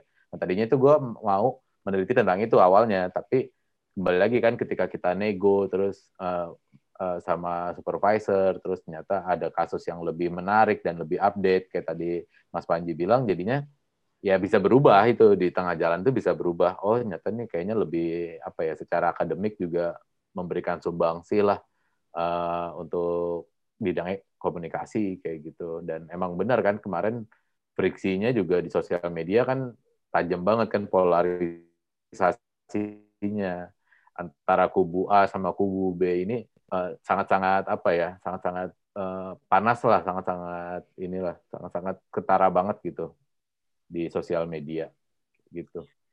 Uh, gue gue gitu pernah sih Mas Panji. Uh, gue pernah dengar dari siapa ya kayaknya ada podcast orang juga gitu uh, ngomongin uh, oke okay lah kalau lembaga negara, uh, pemerintah, apa misalnya kementerian ataupun uh, pemerintah provinsi atau TNI, aku tadi ya yang lu bilang contohnya bagus gitu. Menurut gue memang ya. cukup bagus ya sekarang-sekarang ini gitu. Mungkin lima tahun terakhir ini udah udah jauh lebih. Mm. Tapi menurut gue yang agak kurang adalah personal dari pejabatnya dalam memanfaatkan sosial media pribadi sih memang. Tapi kan kita ngefollow eh, ngefollow personal juga gitu. Misalnya menteri apa Figurnya ya. figurnya gitu. Jadi f- eh, lembaganya sih udah cukup bagus gitu, tapi personal-personal yang mungkin karena eh, gap umur juga, ada ada usia juga, ada ada apa eh, belum tahu eh, cara ya misalnya kalau salah contoh yang ba- ba- bagus menurut gua kan kayak dan jauh lebih awal adalah misalnya gubernur Jawa Barat saat ini gitu Kang Emil gitu kan itu udah dari tahun Ya. sebelum dia wali kota kan udah bahkan tagline dia waktu itu kan kalau nggak salah dia bilang gua kebetulan adalah anak Twitter yang kepilih jadi wali kota kayak gitu kan ibaratnya jadi jadi dia men- mencintai Hmm. seperti gitu jadinya eh, dia udah aware banget dengan keberadaan sosial media di mana mungkin kalau secara politik bisa dilihat mungkin banyak ma- masa mengambang di situ dan segala macam ya di- terlepas dari itu tapi pemanfaatan terhadap sosial media personalnya cukup bagus gitu Nah, yang kurang adalah ya ini sih eh, yang selain ya mungkin udah mulai banyak yang aware lah kayak Pak Ganjar itu juga udah eh, bahkan youtuber juga kan dia bikin YouTube dan segala macam. Iya. Banyak nih eh, menurut gua mungkin kalau kalau ini ya kalau lo balik nanti ke Indonesia ya salah satu salah satu ya atau mungkin topik yang bisa lo coba share gitu di sosial media adalah bagaimana pejabat-pejabat memperlakukan apa cara bersosial media gitu daripada lembaganya lembaganya menurut gua Iya, iya. udah pasti mereka ngikutin aturan kan ada SOP lah ada apa segala macam tapi pejabat-pejabat Iya. Kayak ada menteri kemarin nge-share apa kan eh, film bajakan itu kan aduh. Oh iya, bajakan. maksudnya? Ya, ini eh, benar sih itu tingkat apa ya eh, literasi digital eh, mungkin tadi kayak public figure atau pejabat itu ya. Mungkin ada beberapa yang masih kurang kan yang itu perlu diedukasi sih emang. Kayak gitu. Tapi mereka eh, sudah aware sebenarnya bahwa sosial media ini bisa dipakai untuk menyampaikan informasi gitu kan. Ya mungkin caranya mereka aja yang eh, kurang tepat gitu. Sama seperti sebenarnya kalau kita ngelihat Donald Trump juga kayak gitu kan. Maksudnya dalam hal eh, penggunaan Twitter gitu misalnya. Mungkin orang-orang kalau dulu ngikutin eh, Twitternya POTUS gitu ya eh, President of United States gitu kan waktu zamannya Obama bisa dilihat maksudnya eh, orang imbang gitu antara yang ngikutin eh, akun Obama sama akunnya si POTUS ini yang akun resminya presiden siapa pun presidennya eh, itu akan ada nih si akun ini gitu. Nah, itu sama gitu. Maksudnya akan menjadi rujukan yang sama gitu. Tapi kan kalau sekarang zaman Donald Trump kayak media atau orang-orang pendukungnya atau eh, lawan politiknya dia akan nge-refernya ke akun personalnya Donald Trump gitu karena itu jadi kayak dirinya dia sendiri gitu kan dengan segala keunikannya dia gitu. Nah mungkin sama kayak misalnya di Indonesia kalau kita nggak kontrol, kalau nggak ada yang memanage gitu ya tadi eh, akun-akun personal tadi, ya akan keluar yang sifat aslinya kayak gitu. Emang sebenarnya itulah gunanya kayak konsultan komunikasi ya, konsultan eh, yang yang memanage eh, akun-akun sosial media public figure sih seharusnya. Ya tadi yang tadi Mas Panji contohin itu juga salah satu atau salah dua figur yang udah baik menggunakan sosial media sih kayak Ganjar Pranowo sama uh, Ridwan Kamil. Kenapa? Karena ada senior gue di sini yang neliti tentang itu gitu, tentang Ridwan Kamil dan Ganjar Pranowo. Itu dan hasilnya emang positif sih dalam hal penggunaan sosial media ya. Dan mereka itu sangat-sangat bagus gitu memanage uh, sosial medianya ya karena karena untuk kepentingan politik. ya karena karena gue uh, mindsetnya kan di bisnis ya. Menurut gue kalau itu ada marketnya berarti kan ada yang bisa kita jual kan maksudnya. Berarti kalau misalnya itu adalah uh, banyak kebutuhan nih misalnya banyak public figure misalnya konsultan apa tadi istilah? Iya, konsultan media kayak atau apa? Komunikasi gitu. ya. komunikasi. Itu bisa dibikin lah produknya kayak gitu. Bagaimana cara cara mengajar atau uh, etika bersosial media yang baik dan benar kayak gitu sekarang sebenarnya gue percaya ilmu Waduh, ilmu kan bisa diformulasikan kan ilmu kan bisa diformulasikan bisa. Form- bisa di ajarkan. Sebenarnya kan kayak gitu kan, formasi itu bisa diajarkan dan bisa Hmm. diteruskan atau direpitasi lah, di, di, diulang kayak gitu. Jadi harusnya sih memungkinkan ya. ini Nanti kita bisa tuh collab tuh kayaknya. ya ya ya. Ya ya. Ini bro, gue juga apa ya? Ada ada sesuatu yang pengen gue garis bawahi tadi cuman lupa. Oh ini eh, yang tadi lo contoh eh, apa media mempengaruhi opini. Menurut gue itu itu ini banget sih. Itu bener banget juga ya. Gue gue pernah denger juga di podcastnya siapa gitu ya. Mencontohin Amerika gitu. Amerika eh, ketika zaman radio lagi tinggi tingginya itu eh, presiden yang menang adalah gue lupa siapa ya. Eh, Kennedy apa ya, apa Ronald Reagan lah kalau nggak salah, yang suaranya ngebas ngebas berat, asik gitu. Jadi ketika dia kampanye, Hmm. Hmm. ibu udah langsung jatuh cinta tuh, kayak gitu. Jadi, wah ini suaranya berwibawa banget nih. Iya, Nah ketika masuk berbawa. Betul, ketika masuk ke area TV, yang menang itu adalah si, oh yang menang baru Reagan nih. Reagan kan dulu aktor. Eh, jadi yang menang adalah Reagan karena Iya. dia tampan kayak gitu kan karena dia ganteng lah kayak gitu. Secara fisik dilihat enak gitu. Itu menang gitu. Nah ketika masuk ke musim eh, zaman sosial media kalau nggak salah masuknya ke Obama kan. Obama udah mulai ya memanfaatkan Facebook dan segala macam dengan manuver-manuver. Jadi memang Hmm. memang bagaimana kita mempersepsikan eh, apa ya yang mungkin dalam ranah eh, yang di eh, orang banyak ini ini yaitu politik gitu atau pemerintahan yang kita pilih gitu kan Eh, salah satunya ya adalah eh, interaksi media ke ke ke kita ke masyarakat yang lagi eksis dan saat ini kan apa ya sosial media ya jadi itu jadi jadi ini banget sih jadi Hmm. yang urgent banget gitu Iya. Jadi kalau gue bisa jelasin sedikit tentang finding gue ya tentang hasil temuan riset gue karena kan gue udah tahun terakhir nih sebenarnya udah udah mau sub, tinggal submit doang lah dengan beberapa revisi. Eh, salah satu finding gue itu temuan gue adalah eh, ketik gue jadi sosial media yang gue teliti itu waktu itu sebenarnya gue mau ada empat platform gitu kayak misalnya eh, YouTube, Instagram, Twitter sama Facebook. Nah cuma kalau kalau untuk tingkatan PhD katanya kan dia harus narrow down banget ya, harus spesifik ya. Jadi disuruh pilih salah satu gitu.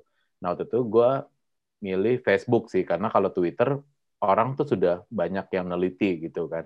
Dan emang kalau Twitter tuh lebih gampang narik datanya, pakai API-nya itu dia gampang gampang eh, narik data engagement, eh, jumlah apa share kayak gitu gitu, eh retweet kayak gitu tuh lebih gampang dan lebih banyak yang neliti juga.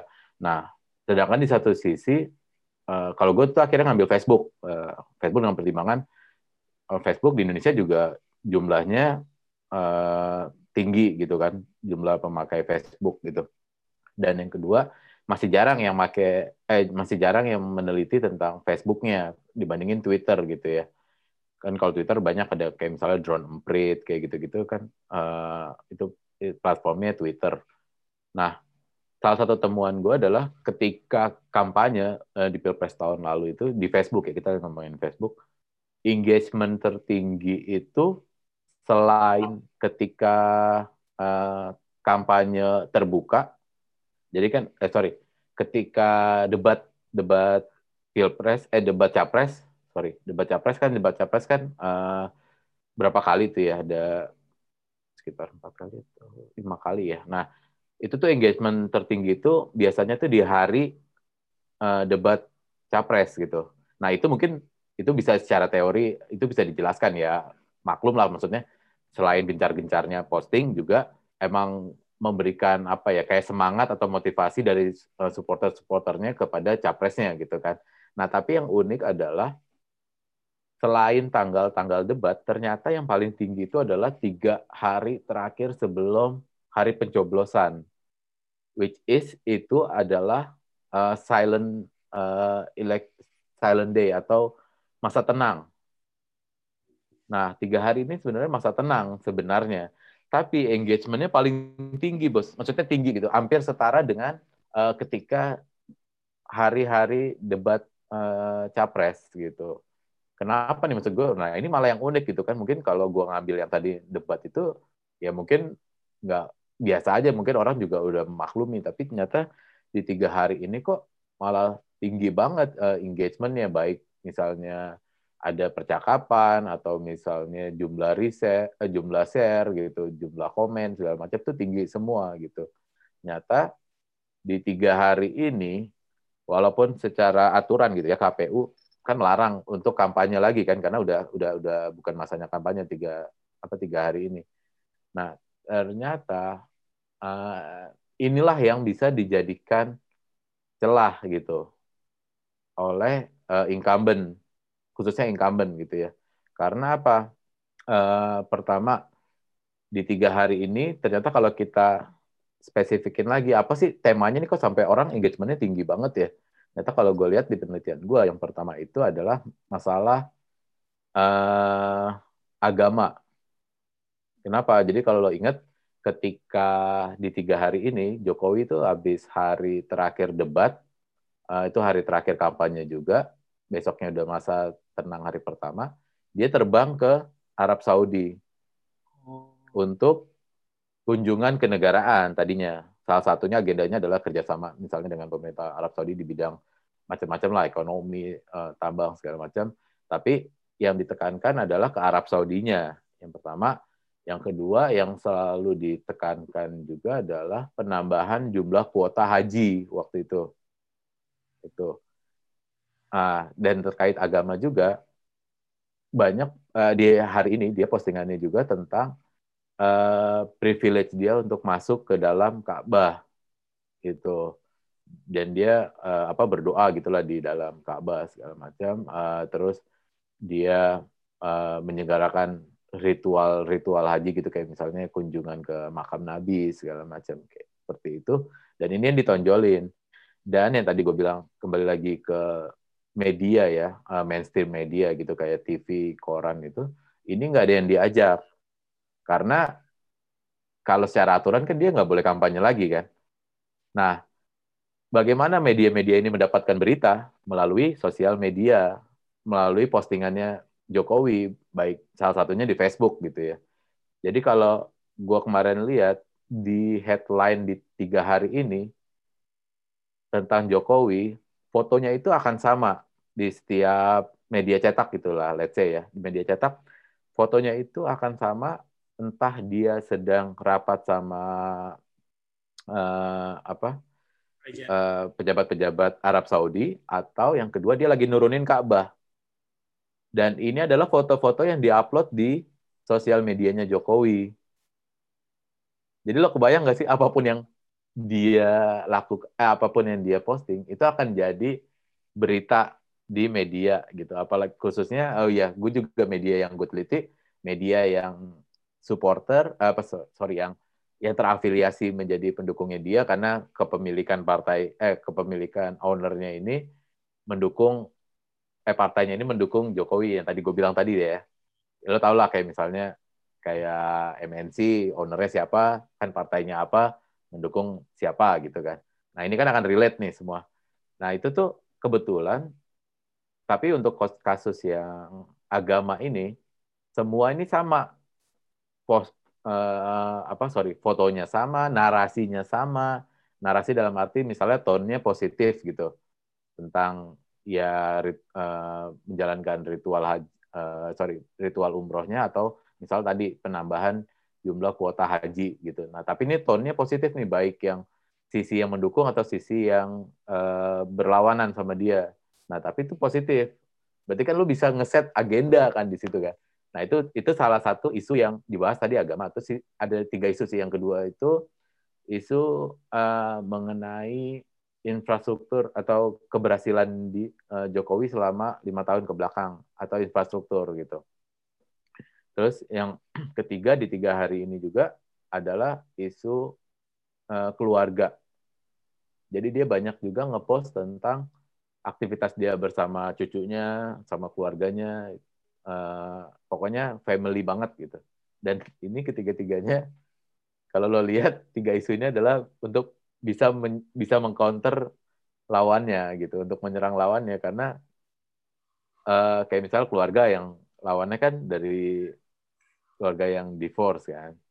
Nah terus yang uh, tadi infrastruktur ini kan capaian dia selama lima tahun sebagai presiden, sedangkan yang lawannya kita belum lihat hasilnya gitu, belum lihat hasil kerjanya. Gitu. Terus yang kayak tadi agama juga ini makin menegaskan bahwa agamanya memang Islam dan dijalankan dengan baik. Sedangkan yang satunya lagi mungkin masih banyak yang meragukan kayak gitu. Itu sih temuan temuan gue Hmm, ya itu menarik banget sih bro. salah satunya.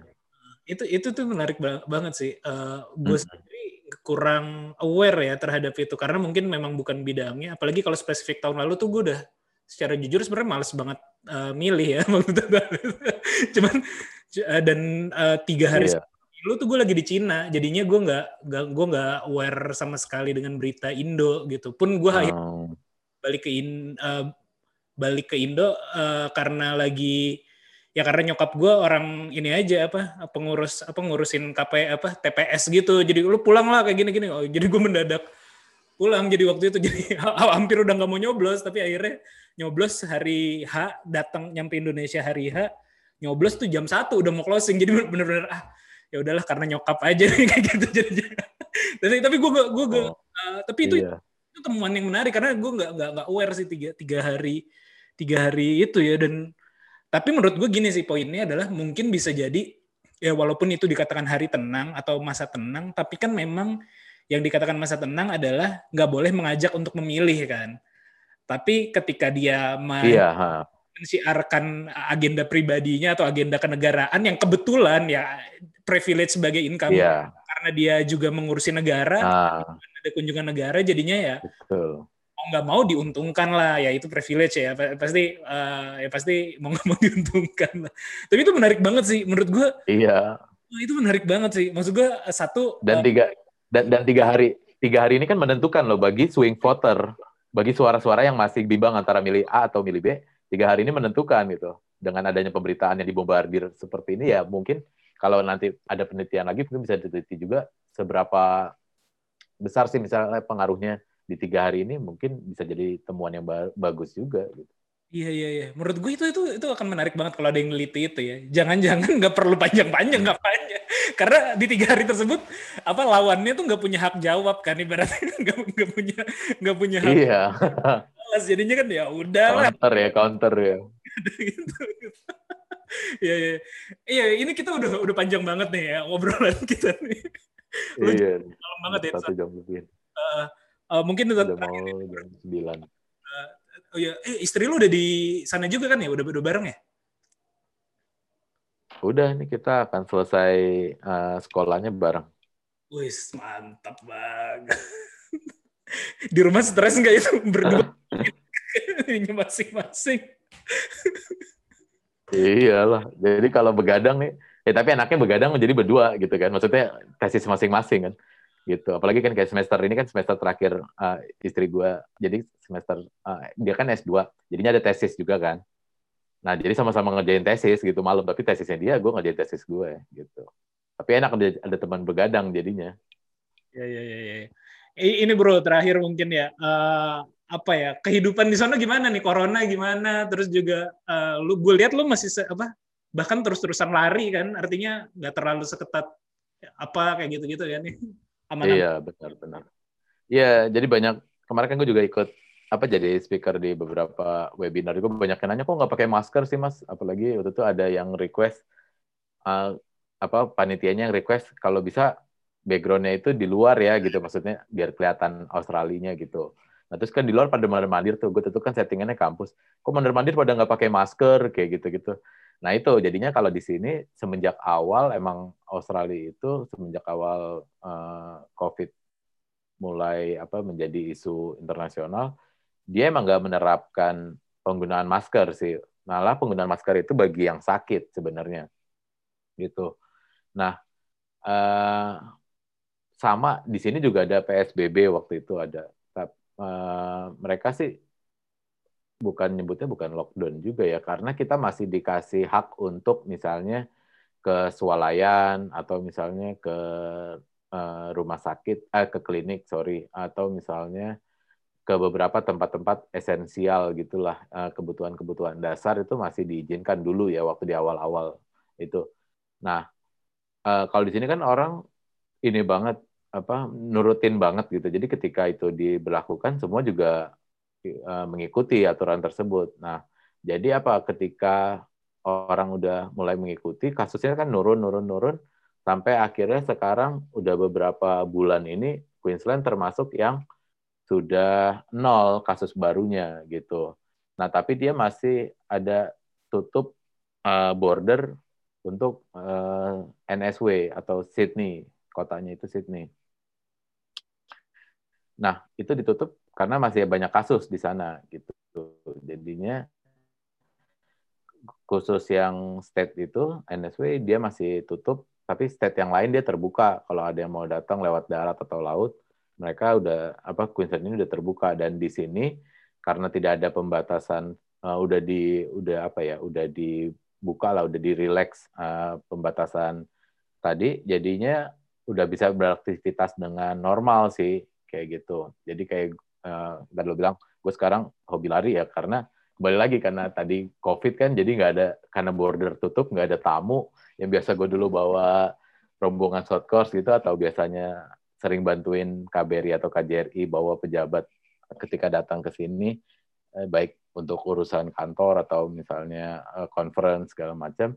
Sekarang nggak ada pejabat nggak ada tamu lagi yang datang dan gue tesis sudah mau selesai ya udah akhirnya iseng ya udahlah daripada ini olahraga aja gitu. Itu jadinya olahraga uh, ya alhamdulillah sih malah jadi sehat gitu. Dan dan sekarang juga physically gue lihat lo kan uh, keto keto keto juga ya diet ya. Jadi diet lo tambah dengan olahraga jadi makin ini ya shape-nya makin oke okay ya. Turun berapa bro? Gue sekarang udah satu tahun ya satu tahun itu total turun 23an 23 kilo Gokil. gua gua Ini salah satu. Hah? Apa? Lu juga kurus kan? Lu juga kurus kan? Dari terakhir kita ketemu 2017. Ya, dari situ sih gue tur. Jadi gue tahun lalu uh, keto, tapi cuma tiga dua tiga bulan lah. Dua tiga bulan tuh turun 13 kilo lah. Hmm. Nah, jadi terus habis itu gue jaga olahraga wow. dan ini aja gitu. Nah, cuman gara-gara apa namanya nih COVID lagi kan banyak di rumah, jadi aktivitas menurun agak agak naik lagi dikit. Ya. nah, tapi kemarin gue coba keto lagi, gue coba keto bulan Agustus lah, gue coba keto, tapi uh, nggak seketat yang tahun lalu loh gitu, banyak colongannya, uh, jadinya hanya turun sekitar oh. 4 kiloan kayak gitu lah, 4-5 kilo terus ah ya udahlah udah kayaknya gue olahraga aja deh fokus tapi lu kok konsisten banget satu tahun keto bisa bisa se ini itu ya. Iya jadi kan kalau apa dulu ya efek yang tadi ya karena dari ketika datang gue udah dikasih tugas welfare officer terus sering bantuin KBRI sama KJRI juga bawa tamu. Itu kan makanannya lo tahu sendiri kan kita aja dimanjakan banget kan ketika dua minggu itu kan makan terus kan. Itu makan terus makan apa ada uh, coffee break ada ada sorry ada ya ada uh, break aja ada dua kali sehari makan tiga kali. Terus uh, apa uh, ketika ada tamu pejabat pun gue harus dampingin mereka misalnya meeting atau misalnya habis meeting pun mereka misalnya malam Firman di sini ada makanan apa? Kan Australia misalnya terkenal steak kan. Udah ya kita makan steak malam-malam tuh makan steak. Terus uh, gue pulang kan ada ada bini kan bini udah masak. Masa nggak makan kan? Uh, akhirnya gue makan juga padahal udah malam. Ya udah akhirnya akumulasi akumulasi itu jadinya kan melar lah badan gitu. Nah, makanya udah tiga tahun jadi ketika ngaca anjir ternyata udah segede ini badan gue ya udah akhirnya ketika kemarin Agustus tahun lalu tuh gue ingat banget ya udah uh, kayaknya gue harus sudah mulai ngatur pola makan lah gitu. Dan yang belum pernah gue cobain itu adalah diet keto sih karena gue udah nyobain macam-macam diet tapi nggak ada yang konsisten dan nggak ada yang berhasil. Karena katanya diet itu pun katanya cocok-cocokan juga. Nggak setiap orang itu bisa sama gitu hasilnya. Nah gue kebetulan aja sih mungkin yang keto ini gue cocok banget karena uh, makanannya itu pantangannya sesuatu yang gue masih bisa tahan lah gitu. Dan pelampiasannya sesuatu yang gue suka gitu. Misalnya kan yang dilarang kan nasi ya. Gue kayaknya kalau nggak makan nasi gue masih bisa lah gitu. Nah terus uh, yang gue senangin misalnya daging. Nah tapi daging kan di sini malah dibolehin gitu kan. Karena ngejar fatnya juga kan ngejar protein juga. Nah ya itu. Makanya gue senang daging ya udah. Uh, ini suatu-suatu yang menyenangkan. Jadi jadi kalau dan apa selain daging kan ada ayam, ada ikan. Jadi ketika gue bawa tamu pun dan uh, ketika mereka ngajak makan, gue nggak bingung untuk nolaknya atau untuk milih menu yang gak, yang sesuai dengan kita tuh gue nggak bingung gitu, nggak kayak diet-diet yang lain mungkin yang agak susah nyari alternatif menunya gitu kan, kan bawa tamu lo yang nggak makan kan juga nggak enak gitu kan, kayak gitu. Ya konsistensi gue akhirnya uh, pelan-pelan ya mulai tadi lu bilang kalau enam bulan pertama itu emang cepet banget sih turunnya. Tapi kayak sekarang aja gue walaupun gue udah olahraga ya kayaknya udah udah udah mentok gitu bukan mentok sih udah mulai stabil jadi gue udah 80 aja ini 80 gue udah hampir 2-3 bulan gue udah 80 terus gitu. Iya iya betul betul. Gue juga keto nih. Gue dari 2017 kita ketemu tuh gue nyoba-nyoba beberapa diet sebenarnya. Tapi yang paling happy ya gue keto sebenarnya. Uh, cuman cuman waktu itu gue berhenti karena uh, gue cek gue check up kan. Nah keto kan memang uh, fokusnya ke ketosisnya kan. Uh, energi kita diambil dari si keto yeah. ketosis tersebut. Nah itu menyebabkan asam uratnya tinggi. Nah gue nyokap gue tuh agak khawatir. Betul. khawatir jadinya. Oh ya udahlah uh, toh turunnya udah cukup uh, signifikan. Gue tinggal jaga aja nih. Gue turun 13 kilo itu gue coba jaga. Ya alhamdulillah terjaga. Berapa bulan lalu pandemi jadinya naik lagi dikit. Kendala gitu. Ya, benar. Jadi khawatiran lo sama sih kayak waktu itu gue juga khawatiran gue sama. Jadi ternyata gue udah baca-baca juga ada artikel nanti gue kirimin deh. Jadi tuh kalau selama kadar gulanya kita misalnya di bawah 80 kalau nggak salah ya. Jadi tuh walaupun uh, asam urat lo dan kolesterol lo tinggi selama gulanya rendah di bawah 80 tadi itu nggak masalah gitu. Ada ada ini ada ada artikel nanti gue share deh. Dan bahkan waktu itu si Dedi kalau dari Kobuzer sih dia menganalogikannya kayak gini. Si kolesterol itu ibaratnya kayak uh, pemadam kebakaran itu jadi apa maksudnya? Jadi ketika terjadi kebakaran di suatu komplek gitu atau rumah yang lo lihat siapa? Pemadam kebakaran kan? Sedang madamin gitu Nah, tapi kan lo nggak menyalahkan si pemadam kebakaran ini yang menyebabkan kebakaran itu gitu. Nah, tapi orang-orang sering kali uh, salahnya adalah ketika ada orang kena stroke gitu atau misalnya ada yang sampai meninggal ketika dilihat ternyata ada penyumbatan darah. Nah, itu beras uh, terus di penyumbatan itu banyak ditemukan kolesterol. Nah, langsung di di apa ya dipukul rata bahwa oh ini gara-gara kolesterol bisa menyebabkan stroke bisa bahkan sampai meninggal gitu. Padahal sebenarnya di tingkatan uh, awal si kolesterol ini adalah uh, penyelamat sebenarnya ketika uh, ada apa ya kayak ada uh, kerusakan tuh dia sebenarnya yang meregenerasi biar tidak biar apa membenari yang rusak-rusak tadi gitu. Tapi kalau rusaknya makin hari makin parah kan dia nambel, nambel, nambel, nambel terus. Nah jadinya kan nutup gitu, malah jadi nutup. Nah dia yang disalahin, padahal dia sebenarnya tadi mau nolongin gitu. Ya, itu sih kalau si Deddy Kobuzer bilangnya kayak gitu. Ya, betul betul betul. Dan bahkan emang benar sih gue kemarin medical check up, gue medical check up sampai uh, ngecek apa asam urat, orangnya nanya sama gue yang mereka, Mas, uh, ini kalau pagi bangun sendi-sendi normal aja. Gue normal-normal aja, emang kenapa dok? Enggak nih hasilnya soal tinggi banget nih. Biasanya kalau udah hasilnya setinggi ini udah nggak bisa bangun gitu karena udah udah pegel banget katanya sendi-sendi. Gue sih alhamdulillah gue bahkan gue lari sekarang udah bisa sampai half marathon gitu kan. Makanya gue juga ya ya gue nggak nggak ini juga sih gue nggak menyarankan juga karena maksudnya nggak bukan nggak menyarankan karena namanya uh, diet atau pola makan itu kan ya tadi kembali cocok-cocokan dan mungkin kebutuhan uh, tiap orang juga beda-beda. Mungkin ada yang punya diabetes, dan mungkin nanti bisa konsultasi juga sih ke dokter gitu kan. Kalau diabetes bisa apa enggak? Karena kan gulanya kan uh, jadi no, nggak ada asupan gula juga kan kalau keto kan, gantinya stevia gitu.